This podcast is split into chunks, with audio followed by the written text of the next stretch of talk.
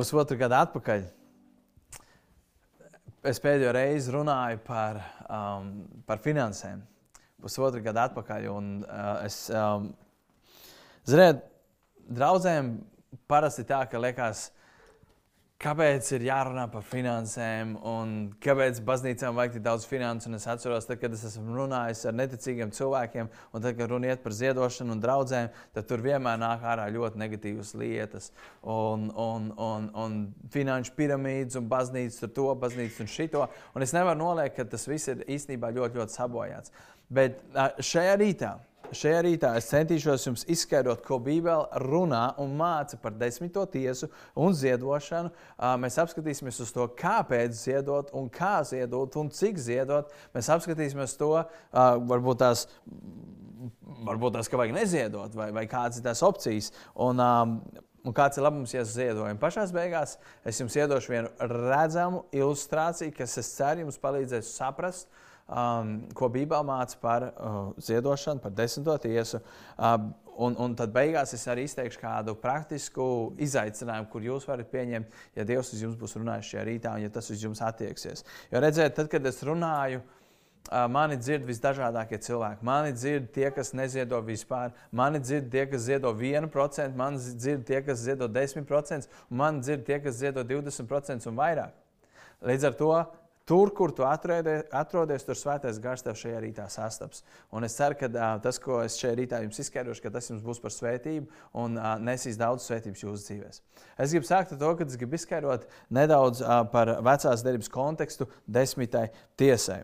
Tad bija Dievs un bija tie jau tauti izrēlieši kurus vadīja priesteri, kas bija dieva tādi kā runas vīri, kurus Dievs bija iecēlis, kuri valdīja Izraēlu tautu un kuri komunicēja dievu prātu un dievu likumus šai tautēm. Savukārt tautas uzdevums bija finansiāli un materiāli atbalstīt šos priesterus, šos levītus, kuriem netika iedalīts zemes gabals, kuriem netika dots uzdevums iet un apstrādāt zemi, bet viņiem tika dots uzdevums, jūs kalpojiet dieva namā, un pārējā tauta, visi tie tūkstoši un miljoni, kas strādās, pelnīs, viņi nāks un atnesīs savu desmito tiesu uh, dieva templī, un no tās pārtiks visi tie tūkstoši priesteru un levīti. Un tas, ko Dievs noteica, bija dot Mašēra. Mašēra ir ebreju vārds, kas burtiski nozīmē desmito tiesu. Desmitā tieši, tieši tāpat kā mēs lasām, ir dekapolis pilsēta, deka ir desmit, polis ir pilsēta, desmit pilsēta, pilsēta jā, dekapolis, deka ir desmit. Mašēra ir desmitā tiesa ebreju valodā. Un š, tas ir tas, par ko mēs šajā rītā runāsim, par desmito tiesu, uh, caur kur tika uzturēta valsts. Bet viņiem nebija tikai viena mašēra, jeb viena desmitā tiesa. Viņiem patiesībā divas bija divas desmitās tiesas un vairāk, un es to izskaidrošu. Um, pirmo desmito tiesu, ja mašēri viņi maksāja naudā, vai graudā, vai, vai, vai dilēs, ķimenēs, eļļās, augļos un citos dažādos veidos. Tas bija tas, kā viņi maksāja savu pirmo mašēri. Otrā mašēri, jeb desmito tiesu, viņi pienesa katru gadu. Um, un viņi maksā, lai finansētu šos tempļu lielos svētkus, kā piemēram Paskā, kur visi jūdu vīri sanāca un, un tur bija ārkārtīgi daudz izdevumu. Tas bija tas, kā viņi uh, finansēja šos svētkus.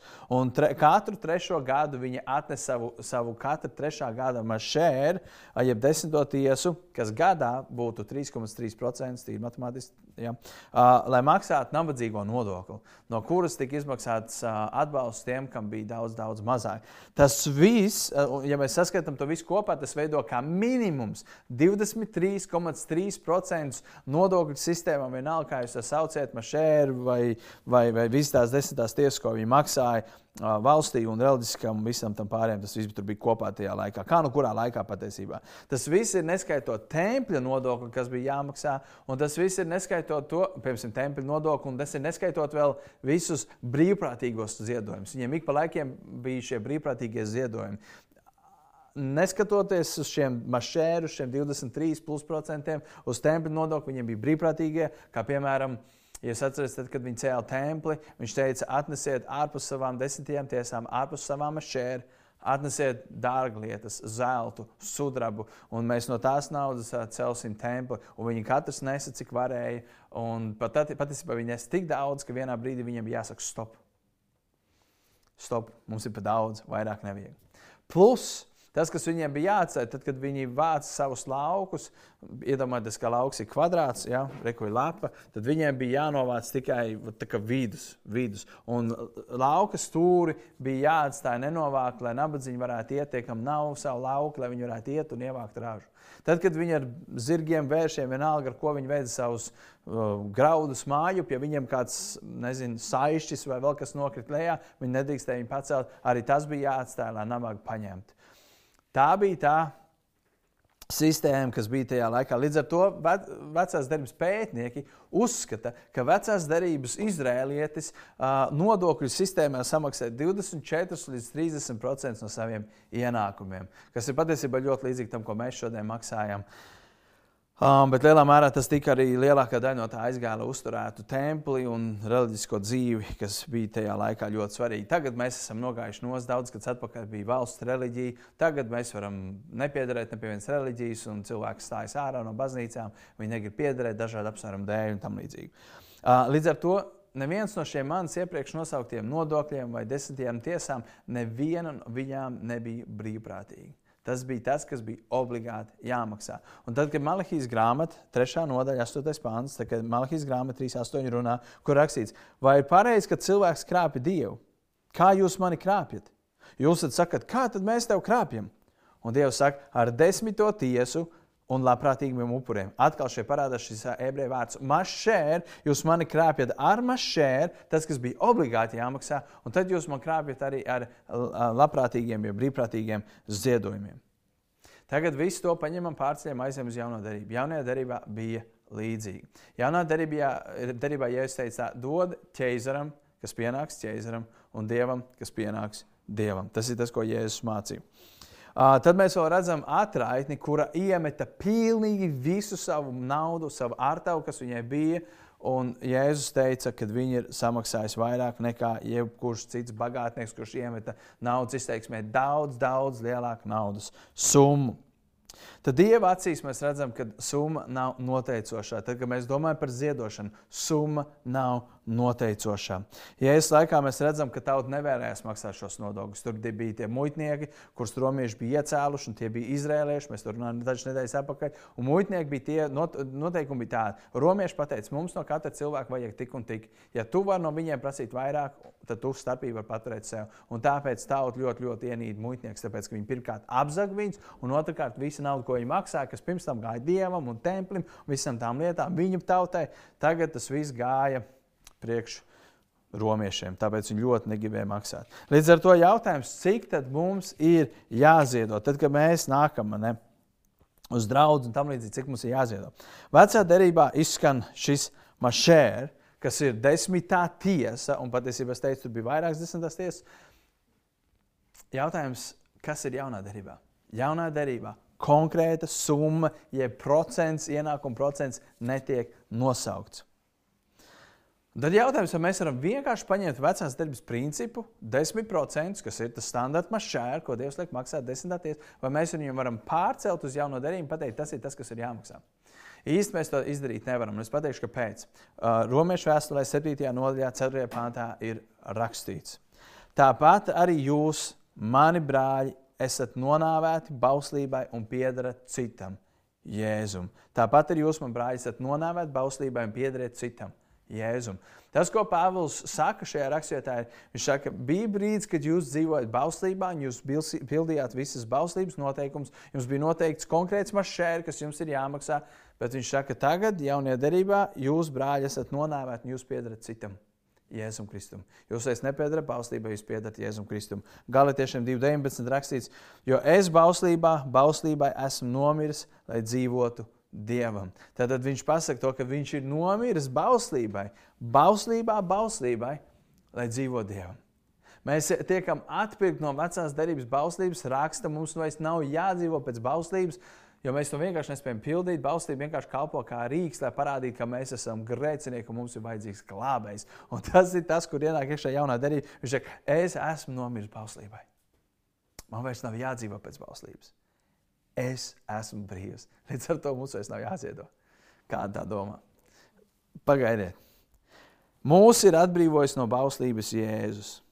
Vecajā darbā bija jāatbalsta templis, priesteri, levīti. Jaunā darbā tā būtu draudzene, mācītāji, evanģēlisti, gani, apakšu skolotāji, kā arī uh, jaunajā darbā teica, vērsim, kas min labību, jau purnu nebūs aiziet. Konteksts tur ir tie kalpotāji, kas kalpo, viņiem ir jāpārtiek no tā, kur viņi kalpo. Tātad, tā ir šī, jo strādnieks ir savs augsts cienīgs. Tad arī jaunā derība runā par ziedojumiem. Vecā derība runā ļoti konkrēti, un viņi sauc procentus, mašēri, piemēram, konkrēti 10%.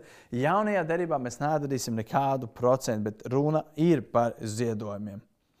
Un jaunajā derībā draugs vairs nesastāv, ja draugs nav Izraels tauta, dieva tauta, bet draugs veido jebkurš, kurš tic uz Jēzu Kristu. Tad tas ir tas, kā tas viss ir mainījies, izjūt no vecās derības.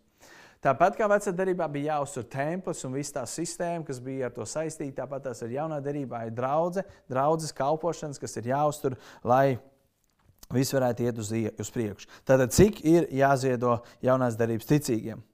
Es gribu tagad, ja jums ir Bībeles, jūs, protams, varat šķirt līdzi otrā vēstule korintiešiem. Un patiesībā, patiesībā es gribētu, ka jūs pēc šīs svētdienas, pēc dievkalpojuma par nedēļu izlasītu otrās korintiešu vēstules 8 un 9 nodaļu, lai jūs iebrauktu kontekstā, kas ir tas, ko Bībele, jeb jaunā derība konkrēti māca par ziedošanu. Otrā korintiešu vēstule 8 un 9 nodaļa. Bet šodien izlasīsim pirmos septiņus pānus.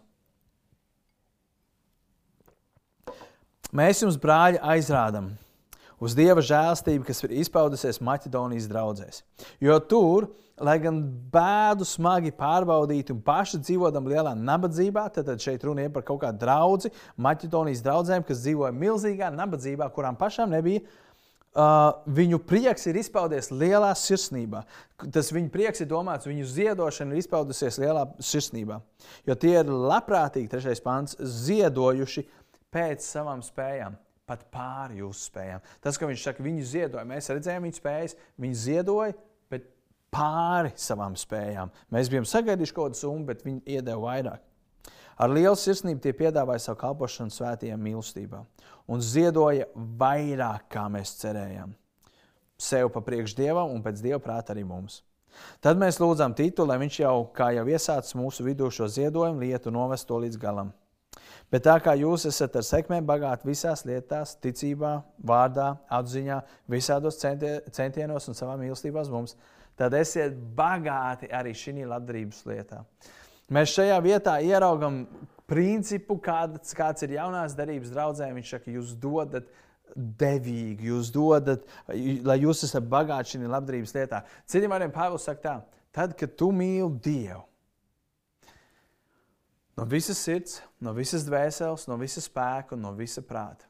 Tad, kad tu mīli evaņģēlīju, tad, kad tu mīli um, Jēzus Kristus, tad, kad tu pieņem Jēzus Kristus upuri priekš sevis, kad tu saproti, ka Viņš ir samaksājis par taviem grēkiem, Viņš ir izdarījis visu, ka tev vairs nekas nav jādara. Un tu gribi, lai tie cilvēki, kas Jēzus nepazīst, iepazītu. Tu vienkārši nespēji nedot. Tu vienkārši nespēji nedot. Patiesībā tu gribi dot, un tas tev sagādā prieku, tāpēc ka tu zini, ka Dievs lieto tevi kaut nedaudz lielajā bildē, kaut nedaudz, un tomēr tu esi daļa no tā, lai aizsniegtu cilvēkus visā pasaulē ar savu ziedošanu. Tāpēc Jēzus teica tā, svētīgāk ir dot nekā ņemt. Es iepriekš skaidroju, ka mēs jaunās derības ticīgie esam atbrīvoti no bauslības prasībām, tā skaitā mašēri, jeb desmitās tiesas, uh, Bet kā mēs, kas dzīvojam jaunās derības uh, laikā, ticīgie, kas esam atbrīvot no bauslības, atbrīvot no visiem tiem likumiem, atbrīvot no tām grūtībām, kas bija uh, tajā laikā, kas, vai mēs esam labumu meklētāji, tas būtu, kā, tas būtu tā, ka Jēzu, Lūdzu, izglāb man, tur redz, kad es esmu grēkos miris, un Jēzus lūdzu nāc un izglāb mani, un viņš piedod tavus grēkus, un saka, lūdzu, Jēzus ielaid man debesīs, un viņš tev dod piedošanu, un tu saproti, ka tu esi saņēmis piedošanu, un tev ir piedots, un tu tagad saki, jei, paldies tev, Jēzus, ka tu man esi izglābs, paldies, ka tu man esi izglābs no tā, ka man vairs nav jāupurē uh, dzīvniecība par saviem grēkiem, paldies, ka man vairs nav jāpild visi tie smagie baušļus, kurus es nekad neesmu varējis izdarīt, paldies, ka tu man no to visu atbrīvo, un kā pateicība, ja es tev gribu dot, kad es vēl mazāk došu savus finanses finanses, tāpēc, ka tu man esi atbrīvojis no pauslības. Tas ir tik labi dzīvot jaunā darbības laikā. Tev nav jāmaksā, un tu, saņem visu. Un es negribu iet otrā grāvī un teikt, tāpēc, ka Dievs tev devis vairāk, tāpēc tev ir jāmaksā vairāk. Es gribu, lai jūs viscaur ieraugat to, ka tas, ko Pāvils runāja Korintiešu 8, 2. Korintiešu 8. nodaļas kontekstā, viņš runā par labprātīgu, brīvprātīgu ziedojumu. Līdz ar to es, kas esmu jaunās derības ticīgais, kā lai es, ja es esmu pate, ja es varu ar pateicības pilnu sirdi novērtēt to, ko Dievs ir darījis manis dēļ, kā lai es dodu mazāk kā vecās derības bauslības pildītājs. Kā lai es to varu izdarīt? Jo ja, ir Bībelē rakstīts, ka jaunā derība ir būvēta uz labākiem apsolījumiem. Uz labākiem apsolījumiem. Mums ir dota pieeja pie Jēzus Kristus pa taisno. Tad, kad mēs satiksim Dāvidu, Mūzu un visus lielos vīrus, viņi teiks, pastāst to, viņi teiks, pastāst, kā bija dzīvot jaunās derības laikmetā, kad svētais gars dzīvoja tevī. Tā ir unikāls laiks, kurā mēs dzīvojam. Mums tiek dots daudz, daudz vairāk. Tāpēc es, tas, ko es gribu šajā rītā, es gribu iedot astoņus soļus, mazus, ātrus astoņus soļus. Ja jūs pierakstāt, jūs varat pierakstīt, ja ne, jūs varēsiet pēc tam noklausīties vēlreiz un uh, pierakstīt tās lietas. Bet dažus principus, kurus gribu iedot. Un pirmais princips ir dod Dievam vispirms. Dod Dievam pirmajam, dod Dievam vispirms. Sāma pamācības 3, 9, 10 rakstīts tā. Dod godu tam kungam arī no savas mantas un piešķir viņam visu savu ienākumu pirmajus. Tad pildīsies tavs šķūņi ar pilnību, un tavs vīnas piedas plūdīs pāri malām pāri. Es zinu, ka šī ir raksturvieta, ko nereti mēs varam paņemt un pateikt, Bībelē mācīja, ka mums ir jādod tur desmitā tiesa un vēl nezinu, kas mēs esam pēc brīdim. Bet tas, kas te ir redzams, tas princips, tas, kas bija vecā derībā, principi daudzi paliek tie paši. Dod Dievam savu ienākumu pirmais. Nedod Dievam no tā, kas paliek pāri, bet dod Dievam pašu pirmo. Un uh, 2. mūzika 23, 19. 2. mūzika 23, 19. Labākos no tavas zemes pirmajiem augļiem nestā kungu savu dievu namā. Labākos no tavas zemes pirmajiem augļiem. Nevis vienkārši tu nes pirmo, bet pašu labāko. Atcerieties, es teicu, ka vecā derībā maksāt mašēru ļoti bieži nozīmē dot graudā. Tas nozīmē, ja tev izaug graudi, tomāti, jā, dažreiz, piemēram, tomāti, tev izaug tomāti. Oh, šitie tādi, zini, tādi nelabi tomāti, tos, tos, tos kaimiņiem atdošu, man nebija šitie labi, jā, šitos es tev, sev atstāšu. Nē, nē, nē, no pirmajiem augļiem, kas tev bija, no pirmajiem sarkanajiem zemenēm, kas tev izaug, no pirmajiem jauniem, lieliem, skaistiem kartupeļiem, kas tev izaug, tu dod Dievam. Dievs pašu labāko un pašu pirmo, nevis es pats noprovēšu pirmo, bet tu dod Dievam pirmo. Tātad pirmais princips ir, jo, skaties, lai dotu Dievam vispirms, tas prasa ticību. Lai Dievu dotu Dievam no tā, kas paliek pāri, tas neprasa ticību. Lai dotu Dievam no vispirms, tas prasa ticību. Lai dod Dievam no tā, kas paliek pāri, tas neprasa ticību. Līdz ar to tas pirmais punkts ir dod Dievam vispirms, dod Dievam pirmiem. Otrais punkts. Došanas mērķis ir, lai tu mācītos likt Dievu pirmajā vietā. Šis ir ārkārtīgi svarīgs punkts, un ja tu visus punktus palaidi garām, atceries šo punktu. Došanas mērķis, kāpēc Dievs grib, lai mēs dodam, ir, lai mēs mācītos Dievu likt pirmajā vietā. Nevis tikai ar savu laiku, nevis tikai ar saviem talantiem, bet arī ar savām finansēm. Mēs dzīvojam ļoti materiālā laikmetā. Būtībā viss iet caur maku. Mēs visi vērtējam caur māku, mēs gribam nopelnīt vairāk, mēs gribam to, to, to, to. to. Viss iet caur to. Tas ir tas, kā šobrīd cilvēks skatās. Kurš ir bagātāks, tad viņš salīdzinās savā starpā. Zin, dažreiz to rados var redzēt. Viens nopērk tādu mašīnu, nākamajam jānopērk labāka mašīna. Viens nopērk māju, otram jāuzceļ lielāka māja. Mēs redzam šo sāncensību, un tas nāk mūsos iekšā. Bet mums, kristošos, tā nedrīkst būt. Došana ir domāta, lai mēs mācītos Dievu likt pirmajā vietā. Tu nevari teikt, ka tu mīli Dievu no visas sirds, no visas dvēseles, no visas spēka un prāta, kamēr gandrīz visas finanses aiziet tavas valstības celšanai un pavisam niecīgi pārpalikumu. Tu saki, nu labi, nu kaut kas arī Dievam atliks. Tu nevari teikt, ka tu viņu mīli. Un vislielākā problēma mūsu domāšanai ir tā, ka mēs domājam, ka visa nauda, kas man ir, ka tā alga, ko tu nopelni, ka tā ir tava nauda. Tā nav tava nauda. Visi simts procenti ienākumi pieder Dievam. Viss pieder Dievam. Un tā ir Dieva žēlstība, ka Viņš tev dod spēku, izdošanos, gudrību, nopelnīt tās finanses, bet tu esi kļuvis par Dievu pārvaldnieku. Un jo vairāk tev ir, jo lielāka atbildība tev tiek dota, un jo vairāk Dievs no tevis atprasīs. Bet visas finanses ir Dieva finanses, un Viņš tev dod, lai tu viņus pārvaldītu. Jautājums, kā tu viņus pārvaldi. Es gribētu atcerēties vienu lietu. Dievam nevajag tavu naudu. Dievam vajag tavu sirdi. Iemesls, kāpēc mēs mācāmies dot Dievam, tāpēc, ka nauda ir ļoti lipīga. Un mēs pieķeramies viņai. Un jo vairāk mēs dabūjam, jo grūtāk mums ir dot. Un tas ir ļoti interesanti, ko es teicu dažas nedēļas atpakaļ, kad laiciņi, ka tie, kas pelna vairāk, ziedo mazāk, tie, kas pelna mazāk, ziedo vairāk. Kā tas tā var būt? Tev taču vajadzētu ar to pietikt, un jo vairāk tu sāc pelnīt, superdievs, tas var dot vairāk. Bet nē, mūsos kaut kas sāk veidoties. To sauc par mans kāri. Ew, bet man sanāk tas tur. O, bet ja es vēl bišķiņ, tad man sanāks tam. Un tam vienalga, kas ir tas, viņam nekad nav griezti. Nekad. Tu varētu nopelnīt visu pasaules naudu, un tev būtu par maz. Tev vajadzētu pats cilvēku to Marsa braucienu, es varētu Jupiteru braucienu izdomāt. Un tur vajadzīgi miljardi kaut kādu. Labi, ir es uz Jupiteru braukšu. Ne? Nē, atceries, Dievam nevajag tavu naudu, viņam vajag tavu sirdi. Un aicinot dot, Dievs tev māca Dievu likt pirmajā vietā. Ziniet, Finanses ir viena sfēra, kurā Dievs grib redzēt izaugsmu. Mēs teiksim, Dievs, es gribu pieaugt Bībeles lasīšanā, es gribu pieaugt laikā ar tevi, es gribu pieaugt lūkšanās, es gribu pieaugt evangelizācijā, es gribu pieaugt, es varu vairāk cilvēku pievērst pie Jēzus, es gribu pieaugt kalpošanā. Bet rēti, ka mēs lūgsim, Dievs, es gribu vairāk tev ziedot. Mums tas dabīgi nenāk ārā nu, es varētu bišķi vairāk kaut, kaut ko dievam izdarīt, es varētu bišķi vairāk, kāds 5 minūtes vairāk lasīt, bet dievam dot vairāk, mēs īsti mums tas dabīgi nenāk. Tāpēc Dievs grib mums mācīt, ka Viņš grib, lai mēs mācāmies Dievu likt pirmajā vietā. Tā bija otrā lieta. Trešā, trešā lieta. Došana audzē tavu ticību uz Dievu. Došana audzē tavu ticību uz Dievu. Redzi, Tad, kad tu uzticies, ka Dievs gādās par tevi arī tajos brīžos, kad tev šķiet, šomēnes man ir vajadzīgs 100% mans finanses, man ir tas un tas un tas un tas. Līdz ar to šomēnes es nevaru ziedot Dievam. Nu, labi, piečuki iemetīšu.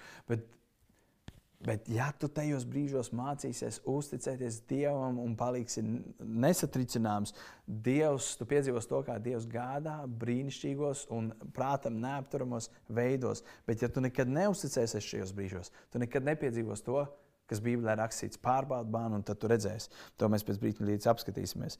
Dievs grib, lai tu viņam uzticies ar savām finansēm. Dodot vairāk, kas varbūt paņems nost kaut ko no tavām personīgajām, tas var izaicināt tavu ticību.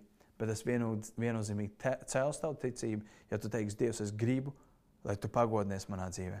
Klausies, 90% finanses, piemēram, ja mēs runājam par desmitoties, par tiem procentiem parunāsim bišķā. 90% ar Dievu ir labāk nekā 100% bez Dieva. 90% ar Dievu ir labāk nekā 100% bez Dieva.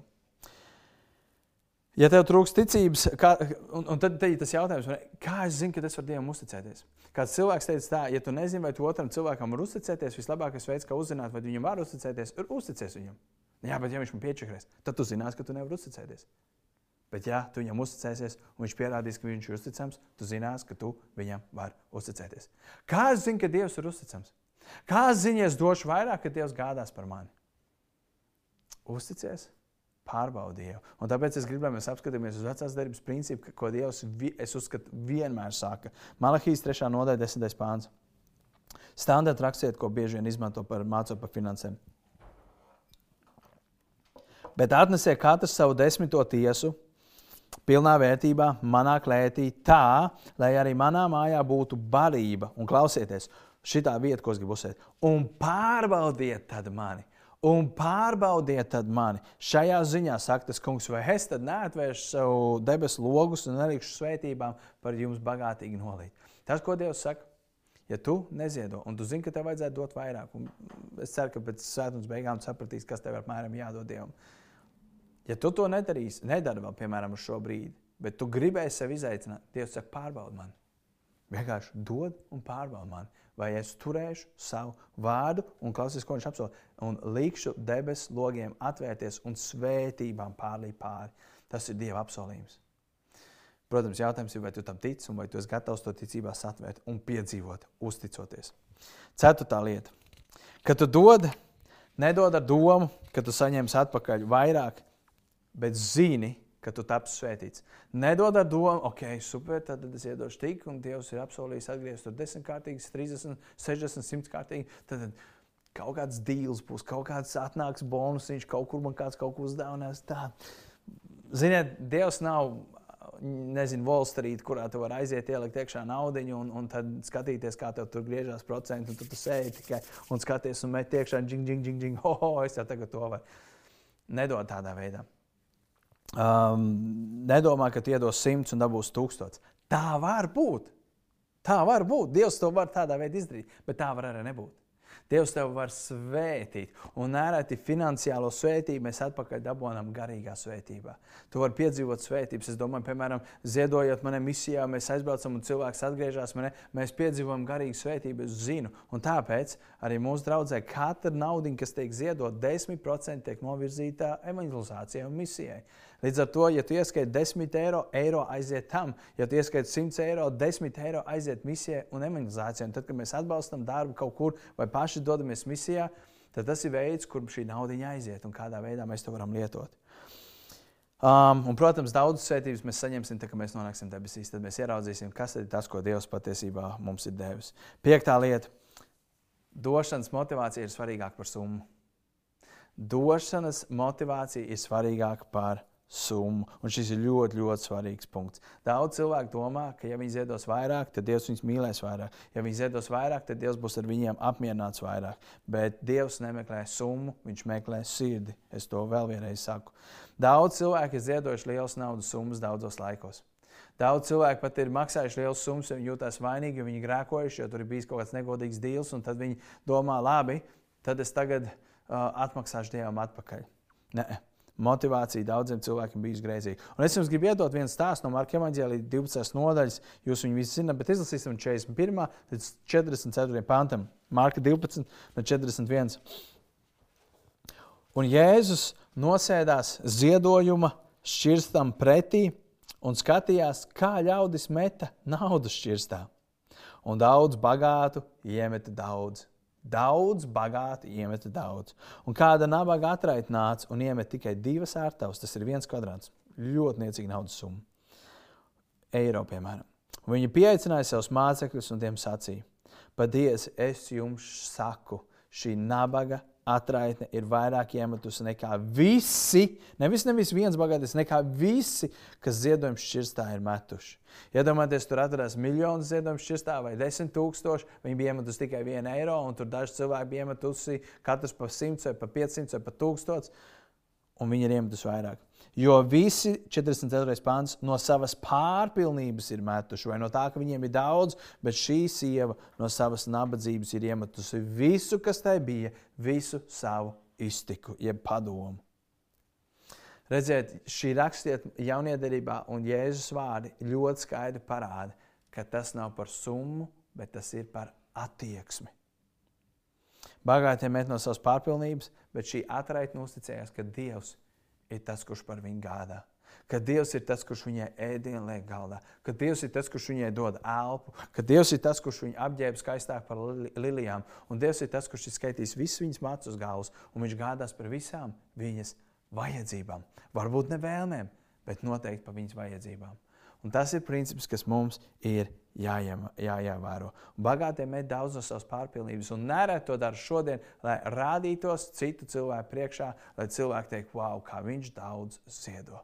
Bet patiesībā, ja es teicu, tā mazā sieviņa, kas iemet bišķiņu, iemet daudz, daudz vairāk nekā viņi visi kopā. Princips. Sestā lieta - dod ar priecīgu sirdi, nevis piespiests. Man liekas, ka šī ir daudziem ļoti, ļoti grūta lieta. Kā es varu dot vienkārši naudu, tāpat priecāties? Ah, jā, paņem, reku, ņemiet, ņemiet naudu. Man jau žēl, vat, man žēl, un tu aizēji mājās sāc strādāt. Te ir rakstīts, nepiespies sirdi. Un, un, un, un tagad skatieties, 2. korintieša 8. nodaļa, 8. pāns, Pāvils saka tā, to es nesaku pavēlēdams.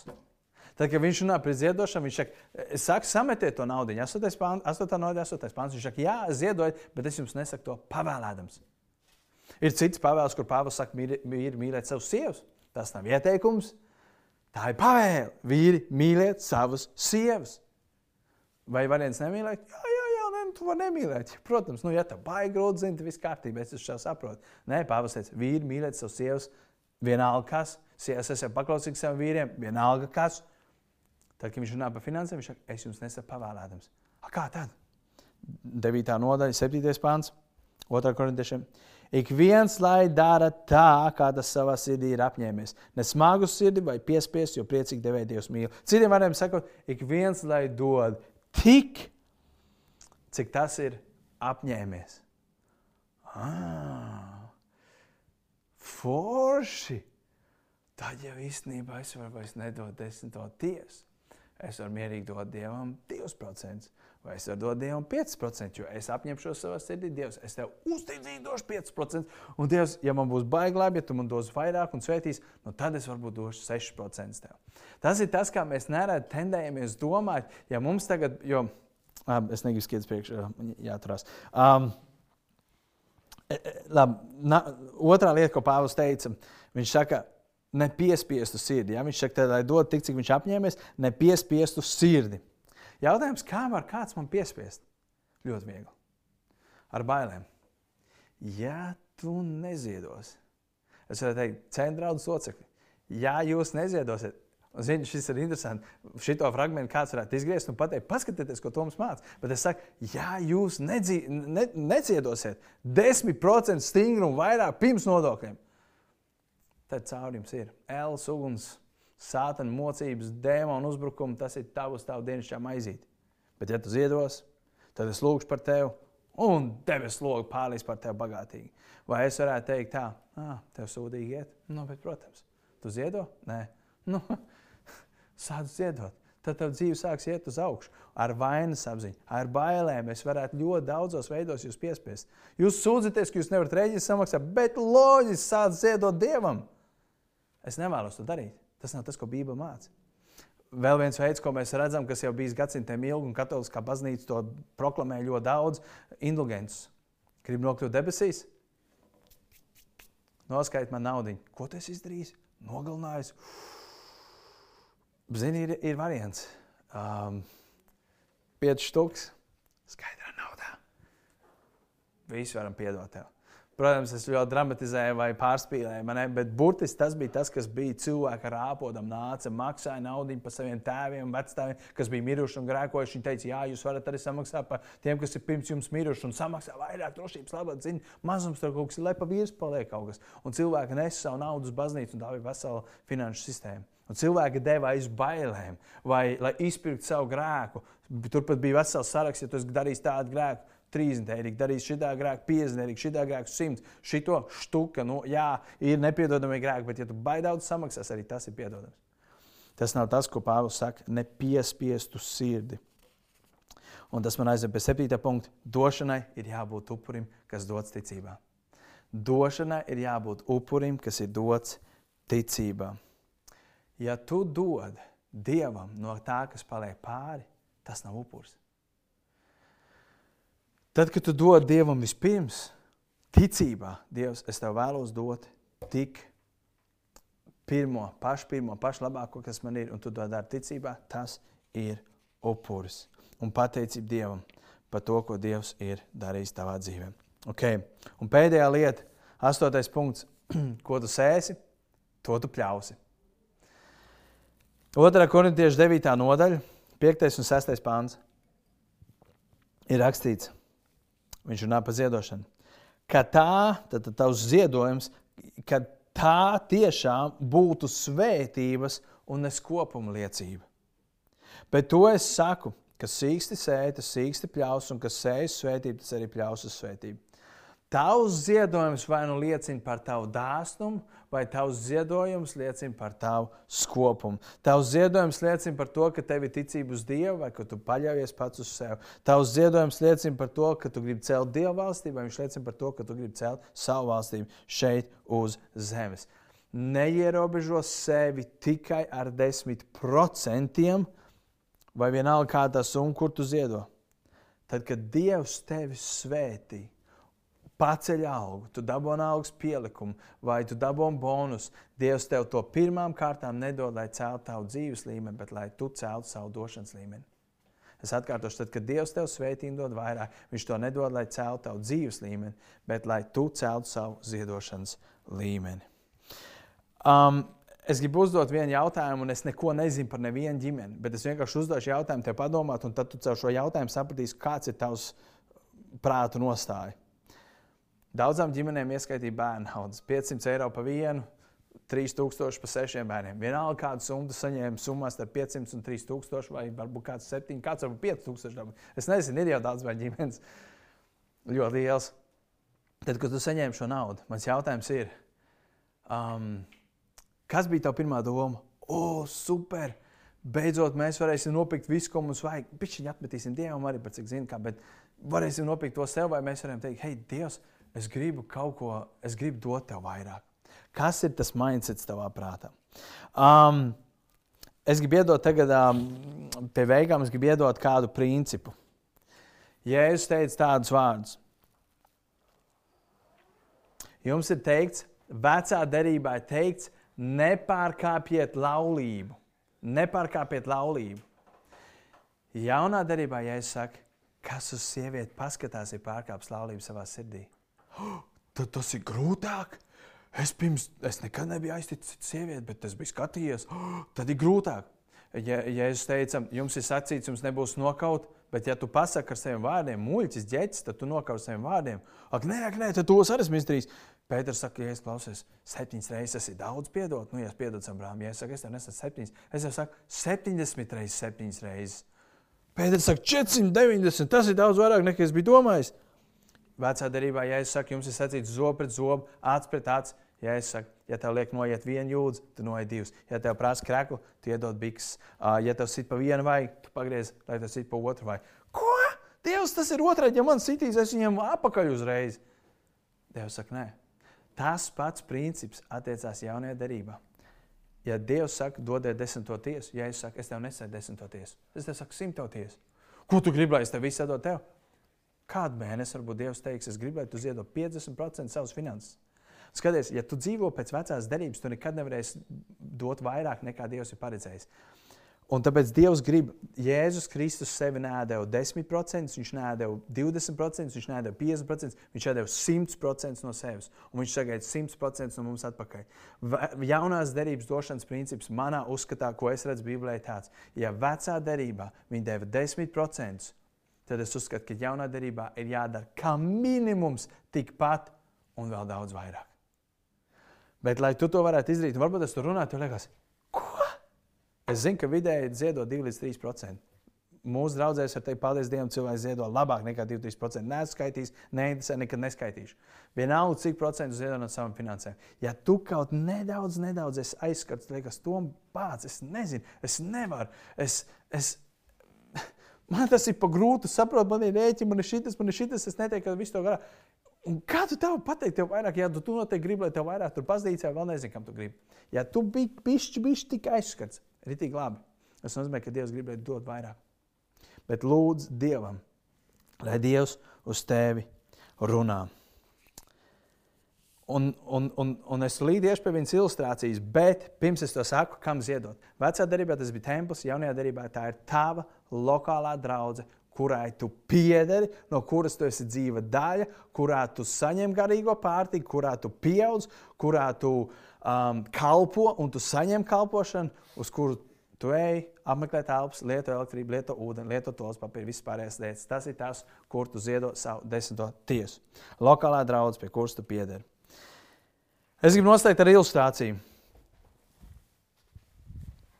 Es gribu noslēgt jums ar ilustrāciju. Es gribu pateikt, kā nereti, kas ir tas, kā mēs, mēs ziedojam. Mēs paņemam savus finanses, un šīs ir tās mūsu finanses, un mēs sakām tā, mēs paņemam un mēs sakām, wow, man, man liela daļa no manas algas aiziet, man ne, tur ir visas tās algas, mēs sakām, o, man aiziet nodokļu sistēmā liela daļa. Tad mēs sakām, tad man ir mašīnas, leasing maksājums, mēs samaksājam. Un tad mēs sakām, uh, man tur ir jāmaksā par skolu, un, un, un tur uz benzīnas jālēj mašīnā un viss pārējais. Un tad man ir dzīvoklis uz kredīta, liela naudas summa, un tad man ir Tad man ir visas pārējās lietas, kas man ir jādara. Un, un, un tad, mēs, uh, tad mēs sakām, ok, tad man vēl ir dzīvošana, kur man ir vajadzīgs, man tā naudiņa vajadzīga, un drēbes jānopērk, un, un viss pārējais. Un, uh, un tad, tad mums vēl tur kaut kādas lietas paliek, un tad mēs pieliekam klāt viņus pie kādām lietām. Mēs sakām, vai man vēl tur kaut kur vajadzēja kaut kādas lietas, un tad mēs sakām, oh, oh, man tikai bišķiņi palicis pāri. Mēs paņemam, sakritam visu, kas mums ir visus melos bieži vien nereti tas notiek, un tad mēs tā saujā iebāžam, iekritam iekšā un sakam, nu labi, Dievs, tas būs pār, tas paliks pār priekš Tevs. Tas ir tas, kā lielākā daļa cilvēku dzīvo. Bet ko es gribu jums pateikt? Kā būtu jābūt? Un tas ir tas princips, ko es gribēju sacīt. Dod Dievam vispirms. Dod Dievam no tā, nevis kas tev paliek pāri, bet dod Dievam vispirms. Un tas, kā būtu jābūt, ka mēs sakam, Un es vēlreiz saku, tie nav 10%, tie nav 20%, tie nav 5%. Vienalga, katrs dara, lai tā kā viņš savā sirdī apņēmies. Tu paņem un saki, Dievs, es gribu dot nevis no tā, kas tev paliek pāri, bet es tev gribu dot pirmo, pašu labāko gabalu, ar rodziņu pa virsmu. Dievs, es gribu dot tev, tavai valstībai, un tad pārējie kūku mēs sadalām tādos gabalos, kādos mēs to gribam.